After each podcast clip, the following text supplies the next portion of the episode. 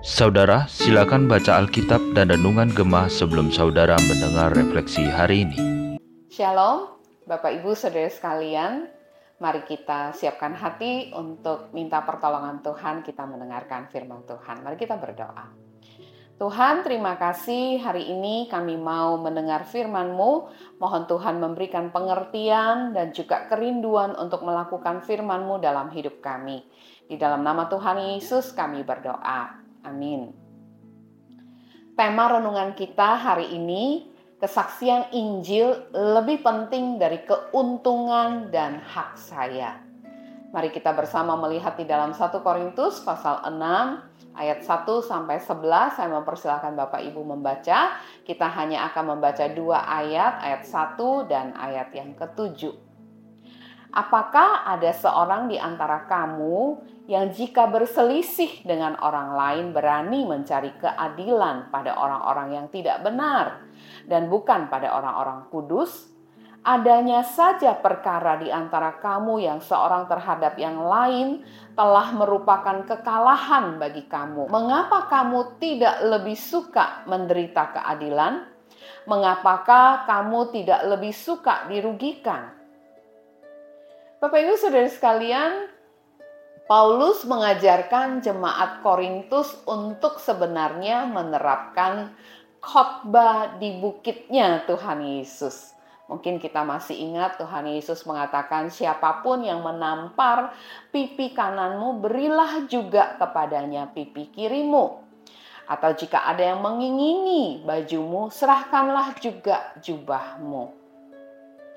Jika saudaramu sesama orang percaya merugikanmu, berbuat tidak adil padamu, tidak memberi seperti hakmu, maka sikap hati yang harus dimiliki seorang Kristen adalah Injil dan kesaksian sebagai orang percaya yang saling peduli, saling mengampuni, saling mengasihi itu jauh lebih penting daripada mendapatkan kembali kerugian yang telah disebabkan oleh saudaraku kepadaku. Harusnya masalah-masalah yang terjadi di antara orang percaya itu bisa diselesaikan di antara kita, kata Rasul Paulus.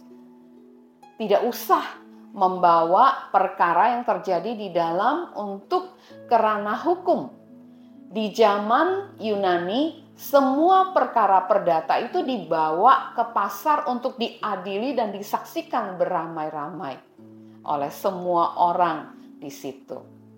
Harusnya masalah atau perkara yang terjadi di antara orang Kristen bisa diselesaikan secara kekeluargaan di antara selayaknya saudara. Dari tulisan Rasul Paulus, Bapak Ibu, saudara sekalian, kita bisa menyimpulkan dua hal. Yang pertama, janganlah kita melakukan sesuatu yang merugikan saudara kita. Yang kedua, jika saudara kita melakukan terhadap kita, maka kita lebih memilih dirugikan sesama orang percaya daripada menyebarkannya di depan umum sehingga menjadi kesaksian yang buruk bagi berita Injil. Mempermalukan nama Tuhan yang ajarannya ternyata tidak dihayati dan dilakukan bahkan di lingkungan orang-orang percaya. 1 Petrus pasal 2 ayat 19 mengatakan sebab adalah anugerah jika seseorang karena sadar akan kehendak Allah menanggung penderitaan secara tidak adil Paulus bukan hanya mengajar, tapi dia melakukan apa yang dia ajarkan, Bapak Ibu. Dia punya hak untuk menerima bantuan keuangan waktu dia memberitakan Injil.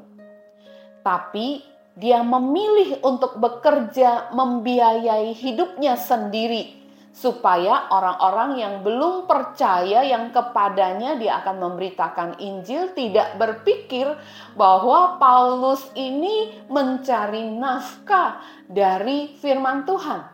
Atau Paulus ini memberitakan Injil ke mana-mana demi perutnya sendiri. Sehingga dia memilih untuk rugi. Dia memilih untuk melepaskan haknya. Hak untuk disponsori secara keuangan waktu dia pergi memberitakan Injil. Daripada Injil dicemooh orang, daripada firman Tuhan dipandang rendah oleh orang-orang yang belum percaya. Kita hidup di dalam dunia dengan nilai yang sangat berbeda. Nilai nilai dunia mengajarkan kepada kita stand up for yourself. Jangan membiarkan siapa pun merugikan kita Perjuangkan hakmu, jangan mau mengalahkan, jangan mau mengalah untuk hal-hal yang jelas-jelas adalah hakmu. Tuntutlah apa yang memang pantas kamu dapatkan. Tapi Rasul Paulus lewat inspirasi Alkitab mengajak kita untuk mempertimbangkan sesuatu yang lebih besar. Sesuatu yang lebih berarti, sesuatu yang lebih tinggi, yaitu kemuliaan nama Tuhan nama Tuhan, kesaksian Injil jauh lebih penting daripada hak dan keuntungan saya. Biar Tuhan memberikan kita hikmat untuk menerapkan firman ini di dalam kehidupan kita.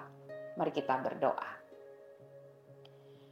Kami hidup di dalam nilai dan ajaran-ajaran nilai yang jauh berbeda dari nilaimu.